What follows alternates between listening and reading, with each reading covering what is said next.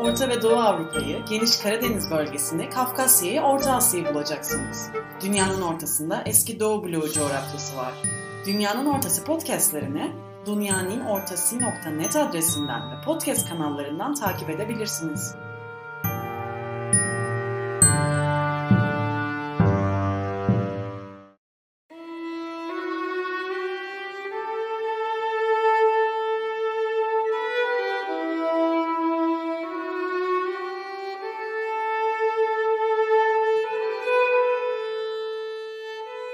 Aktivistler ekmek arıyordu. Bolşevikler tarafından kurulan bir ekipti ve her birinin elinde sopa vardı. Evleri gezip sakladığımız ekmek varsa bulmak için sopayla orayı burayı karıştırıyor, çekiçle vuruyorlardı. Bir şey bulduklarında sürgüne gönderiliyordunuz. Holodomor, Ukrayna'nın acı belleği. Merhaba, Dünyanın Ortası'nın hazırladığı Holodomor, Ukrayna'nın Acı Belleği podcast serisine hoş geldiniz. Ben Turgut Tuncel. Bu bölümde serinin sonuna gelmiş oluyoruz. Serinin şimdiye kadar olan bölümlerinde Holodomor felaketinin ne olduğuna, 1932-1933 yıllarında nelerin yaşandığına, Holodomor anlatısının inşa sürecine, Ukrayna'nın Holodomor hakkındaki resmi tezine ve bu konunun Ukrayna dış politikasındaki yerine değindik. Bugün ise serinin son bölümünde Holodomor felaketinin günümüzde Ukrayna'daki toplumsal ve kültürel yansımalarını ele alacağız. Bunu Zoom bağlantısıyla bugün bizimle birlikte olan Gökberk Kuzgunkaya ile yapacağız. Gökberk Kuzgunkaya ülkemizde Ukrayna hakkında ciddi, veriye dayalı ve masa başında ikincil kaynaklar üzerinden değil sahada bizzat bulunarak, sahadan birinci el veri toplayarak akademik çalışmalar yapan az sayıdaki araştırmacıdan bir tanesi. Kendisi 2018 yılından bu yana Ukrayna Milli Eğitim Bakanlığı bursuyla Taras Shevchenko Kiev Ulusal Üniversitesi'nde diplomasi alanındaki yüksek lisans eğitimine devam ediyor. Bu tarihten beri Kiev'de yaşıyor. Karabük Üniversitesi Bölge Çalışmaları Programı'ndaki yüksek lisans çalışmalarını da ayrıca yürütüyor.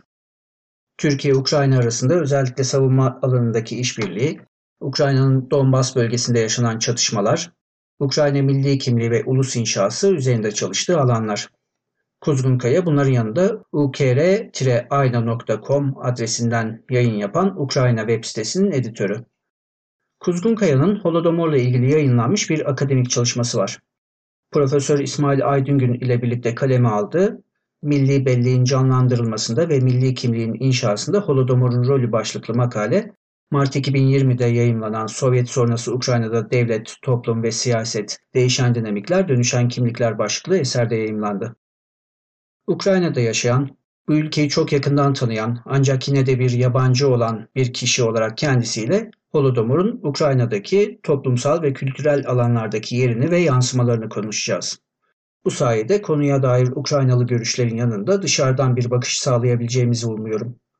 Gökberk Kuzgunkaya tekrar hoş geldiniz. Teşekkür ederim. Hoş bulduk. İlk önce az önce bahsettiğim milli belleğin canlandırılmasında ve milli kimliğin inşasında Holodomor'un rolü başlıklı makalenizden bahsetmenizi isteyeceğim. Bu benim bildiğim kadarıyla bu Holodomor'la ilgili Türkiye'de Türkçe olarak yayınlanmış ilk akademik çalışma. Bu çalışmanızla ilgili kısaca bilgi verebilir misiniz? Teşekkür ederim. Evet, sizlerin de altını çizmiş olduğu üzere bizler Sayın İsmail Aydın Gün hocamla birlikte 2019 yılında Ukrayna'da saha araştırmalarına dayanan e, bir araştırma yaptık. E, Holodomor konusunda Türkiye'de yayımlanan en son çalışma olması açısından oldukça önemli ve biz çalışmamızı yaparken Ukrayna'da bu konuyla ilgili araştırmalar yapan uzmanlarla, akademisyenlerle görüştük. Farklı dillerdeki akademik e, çalışmaların taramasını yaptık ve makalemizi bu yönde yazdık tek bir görüşe, tek bir e, sürece bağlı kalmadan geniş e, çaplı değerlendirmeye çalıştık. E, tabii çalışmamız sadece Holodomor'u konu almıyor. Holodomor'un tarihsel sürecini, hukuki sürecini ve milli kimlikteki etki sürecini değerlendirmesi açısından ben oldukça önemli olduğunu düşünüyorum. Çalışmamız Ukrayna'da Sovyet rejiminin kurulmasıyla başladı e, ve kolektifleştirme politikaları 1932-33 kıtlığına e, dair çalışmaların yapılması ve bu Holodomor konusunun uluslararası hukuk açısından değerlendirilmesi yapıldı. Konu farklı ve geniş açılardan değerlendirildi. Ben mümkün olduğunca iyi görüşmeler yapıldığını düşünüyorum.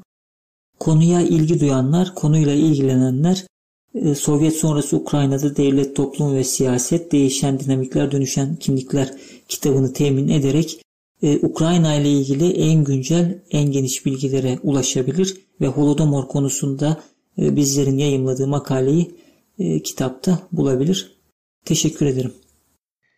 2004 turuncu devrimini milat alırsak Ukrayna'da yaklaşık son 15-16 senedir Holodomor'a dair bir söylem devletinde müdahil olduğu bir süreç içerisinde inşa halinde. Serinin daha önceki bölümlerinde Holodomor'a dair anlatının inşası, devletin bu konuya dahli gibi konuları Ukraynalı uzmanların da katılmayla ele aldık.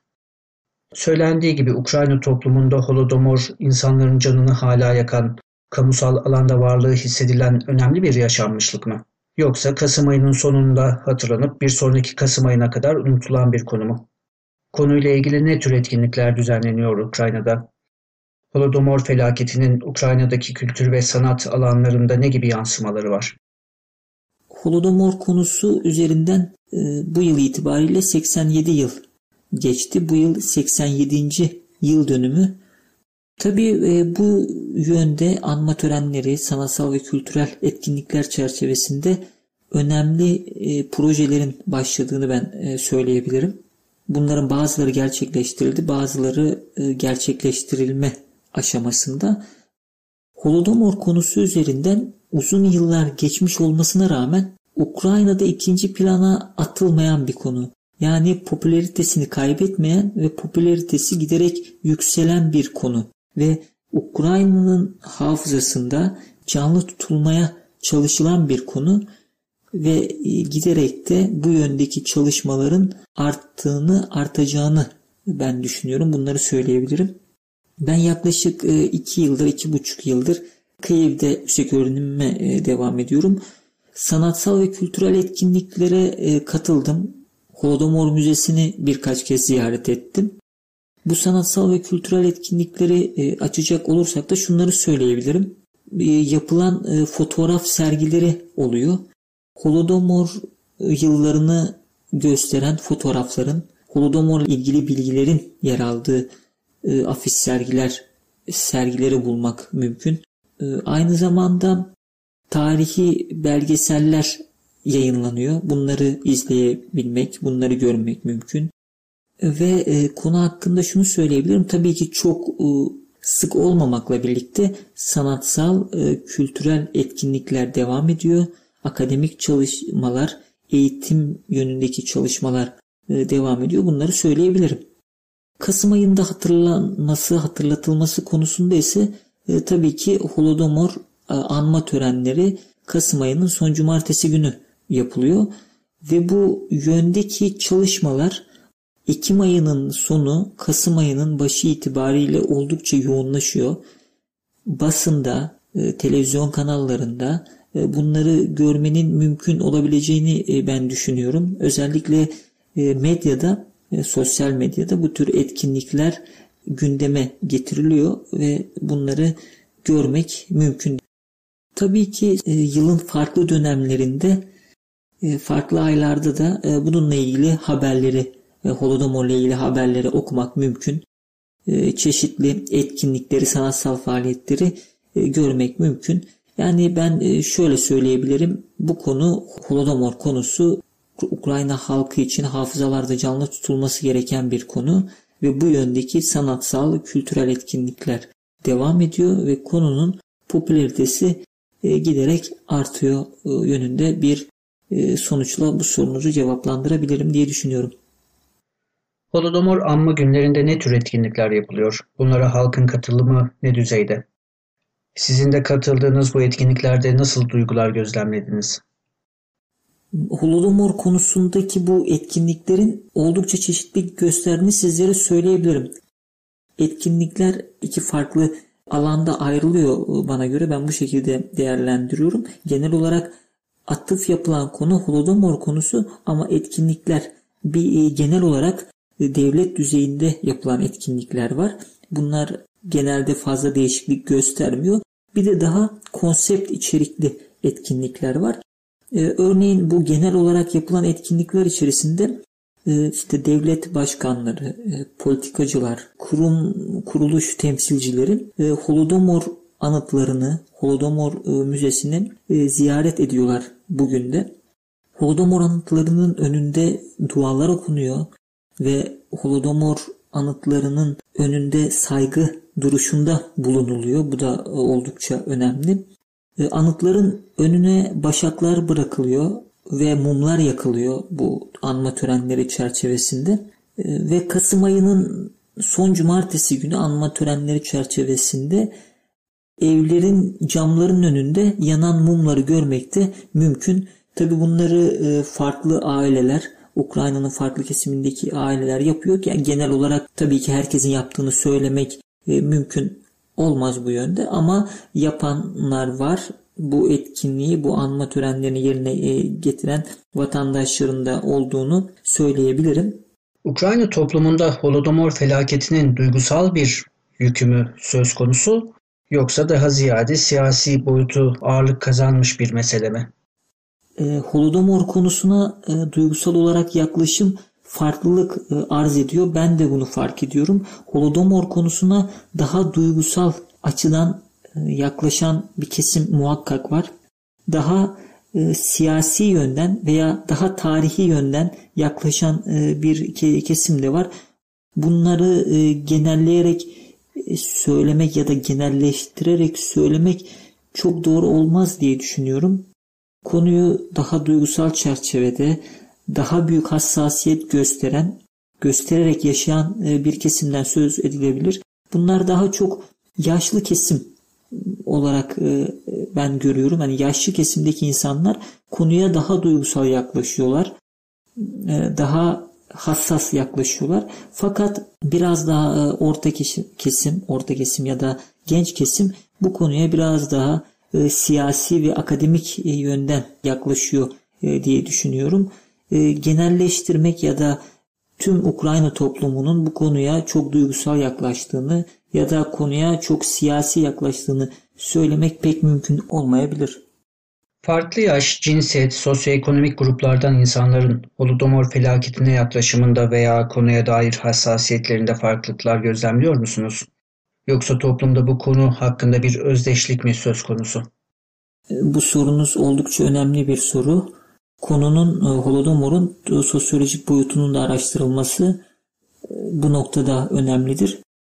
Ben de Ukrayna'da eğitim alan bir öğrenci olarak hem Ukraynalı hem de dünyanın farklı kesimlerinden buraya eğitim almak için gelen öğrencilerle konuyu zaman zaman tartışıyorum. Bu yönde yani Ukraynalı arkadaşlarla konuştuğum zaman şunu söyleyebilirim. Ukraynalıların konuya yaklaşımları değişiklik gösterebiliyor. Konuya çok e, yakın olanlar, yakından takip edenler olduğu gibi konuyu önemsemeyenler de elbette var. E, bu konuyu Ukrayna halkının yok edilmesine, Ukrayna halkının bitirilmesine ya da Ukraynalıların e, bitirilmesine yönelik olduğunu söyleyenler var ve bunu kesin olarak bir soykırım nitelemesi de e, bulunanlar var. Ve bunun e, karşıtı olarak da şöyle görüşler var. Evet e, bu şekil açlık yaşandı, böyle kıtlıklar yaşandı, ölümler gerçekleşti. Fakat bu sadece Ukraynalılara yönelik bir eylem değildi.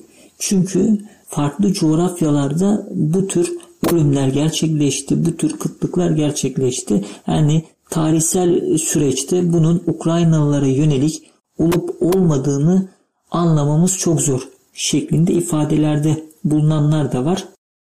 Ee, daha önce de söylediğim gibi ben konuyu e, daha yaşlı kesimle konuştuğum zaman, onların görüşlerini sorduğum zaman konuya duygusal, hassas bir şekilde yaklaşıyorlar. Fakat e, şunu da söyleyebilirim. Örnek veriyorum e, devlet düzeyinde çalışan bir kişi bunu anlatırken konuya muhakkak biraz daha siyasi, ideolojik ve tarihi yönden yaklaşabilir. Yani bu yönde söylemler de mevcuttur muhakkak ki.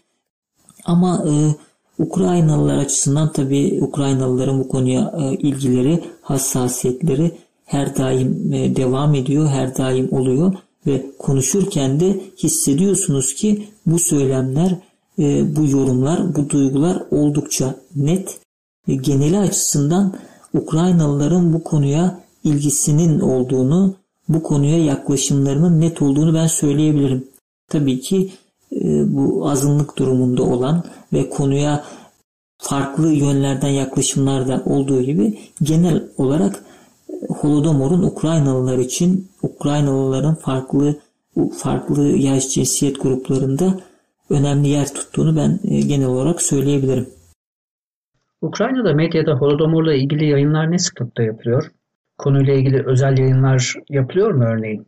Holodomor'a dair akademik alan dışında kalan popüler anlatının içeriğine dair gözlemlerinizi bizimle paylaşır mısınız?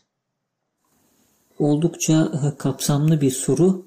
E, televizyon kanalları var, yazılı e, basın var, sosyal medya var. Tabi bunları göz önünde tutmak bu noktada önemli olacaktır. Holodomor'la ilgili yayınların e, yapılması televizyon kanallarında çok sık rastladığım bir e, konu değil. Tabii ki haberlerde Holodomor'la ilgili konunun zaman zaman gündeme geldiğini e, görüyorum. Fakat özel yayınların yapıldığını ben açıkçası pek hatırlamıyorum. Tabii tüm televizyon kanallarını izleme imkanım da pek fazla olmuyor. Bunun haricinde şunları söylemek de önemli. Kasım ayında bu yayınların yapıldığını söyleyebilirim. Özellikle Holodomor anma günü e, gününde tarihi belgeseller ön plana e, çıkartılıyor. Bununla ilgili yayınlar yapılıyor. Zaten e, bu süreç 2015 yılında yasal mevzuatta, hukuki mevzuatta da belirtiliyor. Bununla ilgili yayın akışlarında ve içeriklerinde değişikliklerin yapılması yönünde e, durumlar e, söz konusu. E, bunlarla tabii Kasım ayında daha çok karşılaşmak mümkün. Keza bununla birlikte yazılı basında çıkan haberlerde oldukça fazla. Yazılı basında bu konu oldukça gündemde tutuluyor ve Holodomor'la ilgili haberlerin sıklıkla gündeme getirildiğini söyleyebilirim. E, sosyal medyada e, keza aynı şekilde bununla ilgili e, fotoğrafların paylaşılması, etkinliklerin, konferans duyurularının yapılması da söz konusu oluyor zaman zaman. Tabi Kasım ayında her zaman olduğu gibi bu etkinlikler artış gösteriyor. Konunun anlatımı daha çok Ukrayna halkına yönelik olayların tarihsel boyutları, olayın trajik boyutları gün yüzüne çıkıyor. E, yaşın, yaşanılan e, acının e, boyutları aslında belgesellerde vurgulanıyor.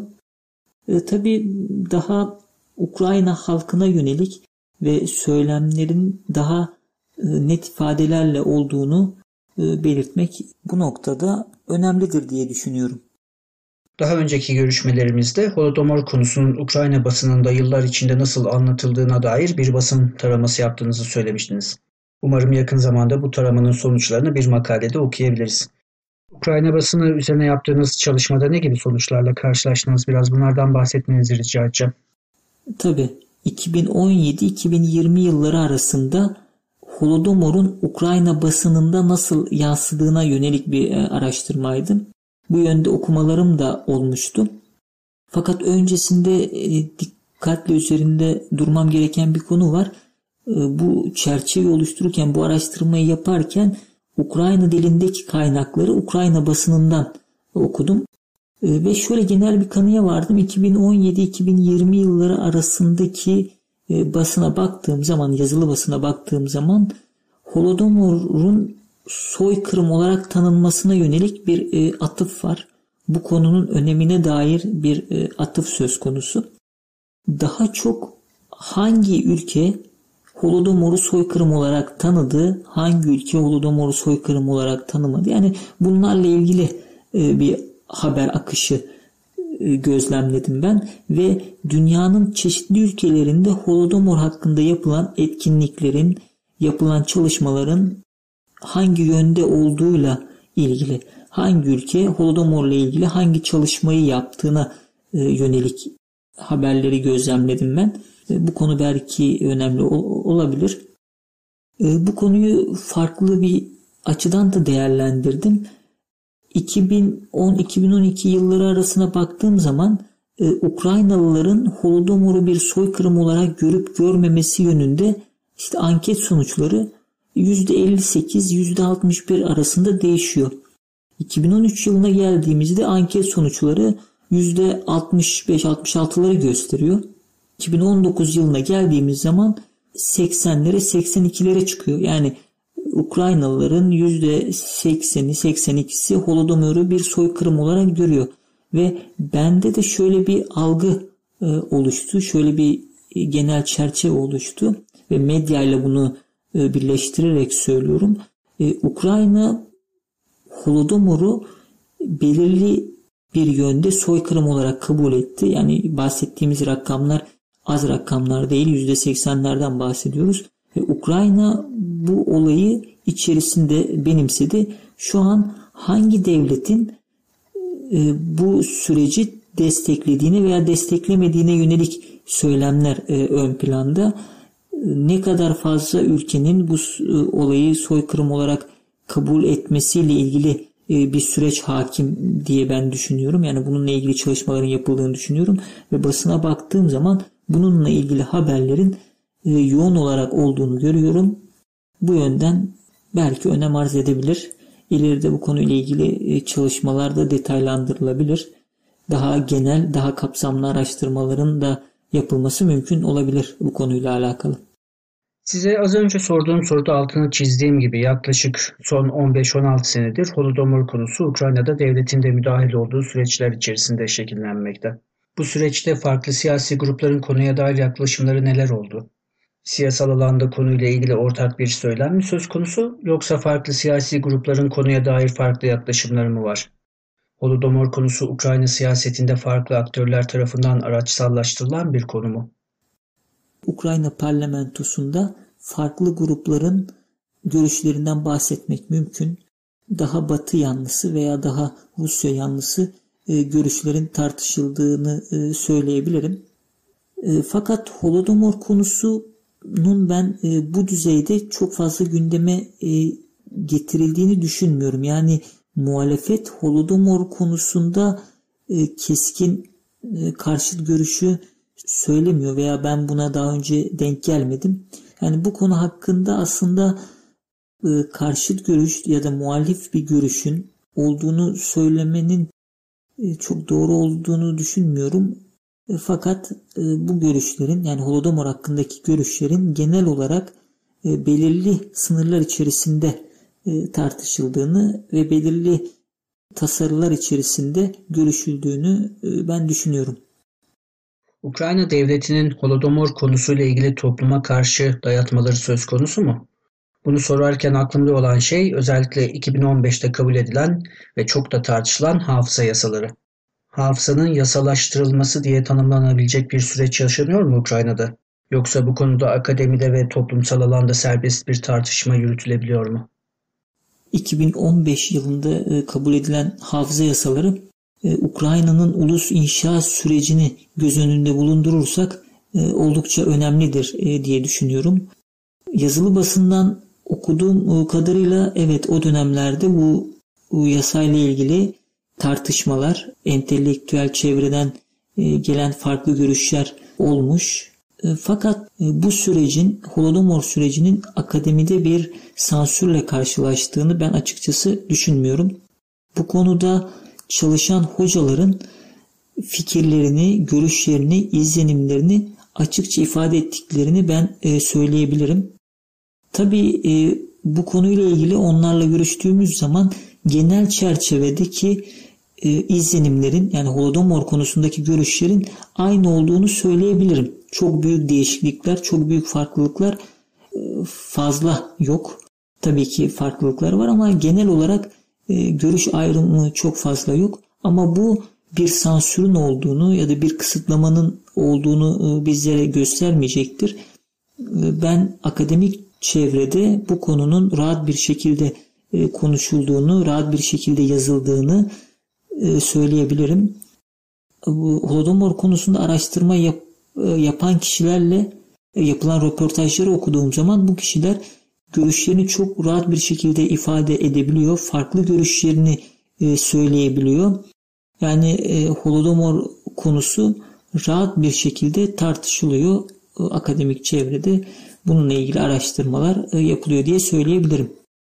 Uluslararası literatüre baktığımızda Holodomor'a dair çalışmaların daha çok Ukraynalı olmayan batılı araştırmacılar tarafından yapıldığını görüyoruz. Uluslararası alanda bu konu hakkında adını bildiğimiz kişilerin çoğunlukla Ukraynalılar olmadığını, batılı akademisel olduklarını gözlemliyoruz. Ukraynalı akademisyenlerin Holodomor konusuna akademik ilgileri ne düzeyde?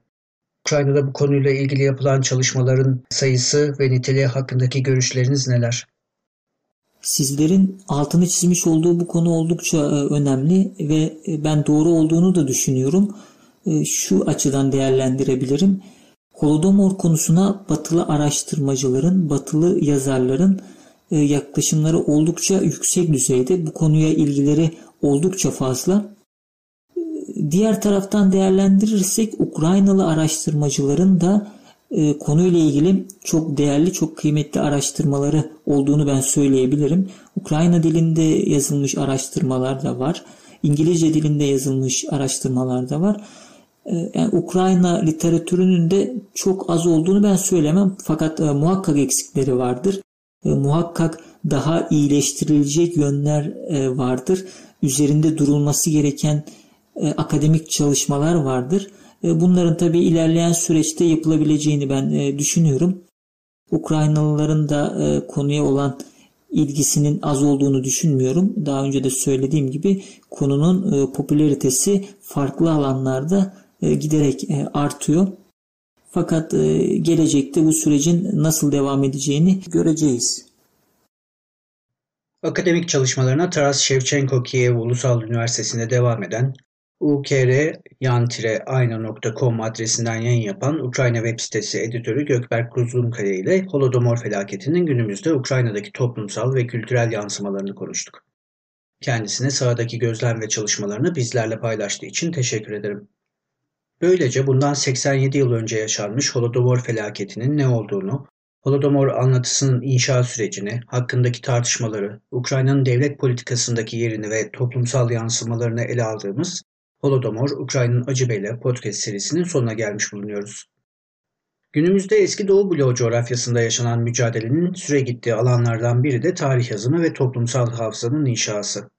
Tarihin ve toplumsal hafızanın gözden geçirilerek yeni ulusal tarihlerin yazılması ve toplumsal hafızaların yeniden inşa edilmesi 1991'den bu yana hemen tüm eski Doğu bloğu ülkelerinde ulus ve devlet inşa süreçlerinin önemli bir bileşeni olarak karşımıza çıkıyor.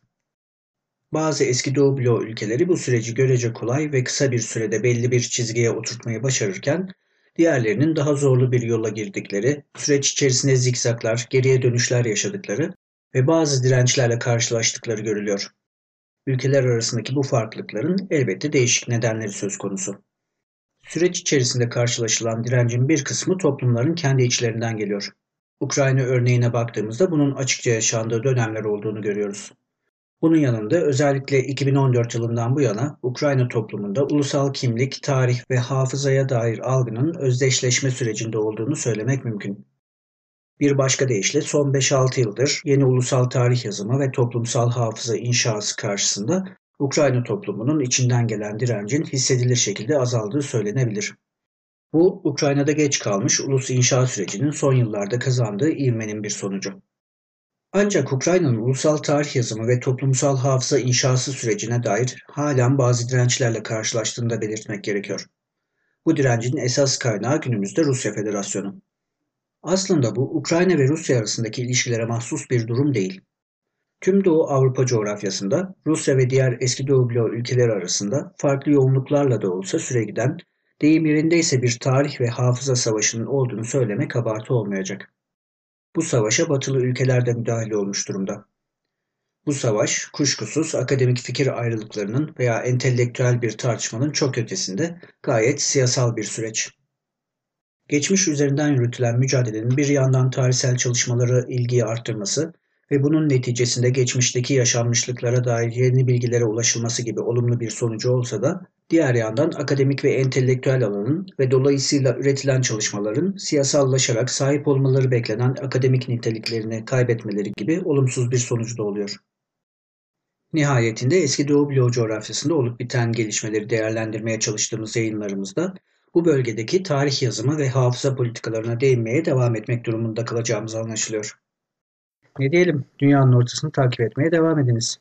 Görüşmek üzere.